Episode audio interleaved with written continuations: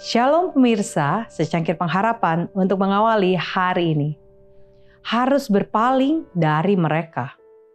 Suka mengkhianat, tidak berpikir panjang, berlagak tahu, lebih menuruti hawa nafsu daripada menuruti Allah.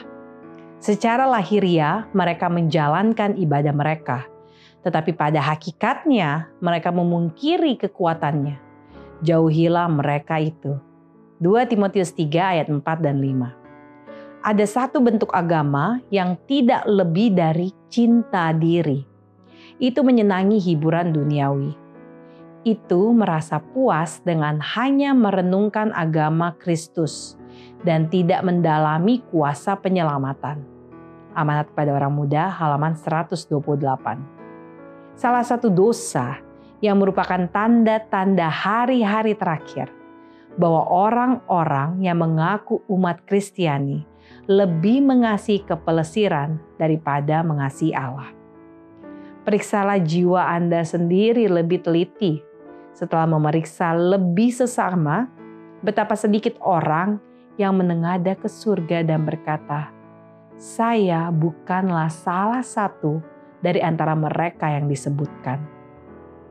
Saya tidak mengasihi kesenangan duniawi lebih daripada mengasihi Allah.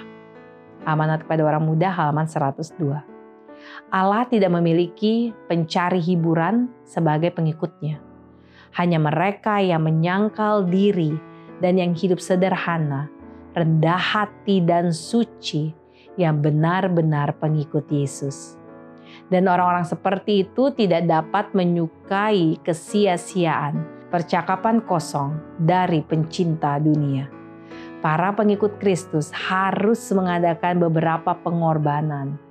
Mereka akan menjauhi tempat-tempat hiburan duniawi karena tidak menemukan Yesus di sana. Tidak ada pengaruh yang akan memikirkan hal surga dan menambah pertumbuhan kasih karunia mereka. Penurutan akan firman Allah akan menuntun mereka keluar dari dunia dan berpisah. Amanat kepada orang muda halaman 474.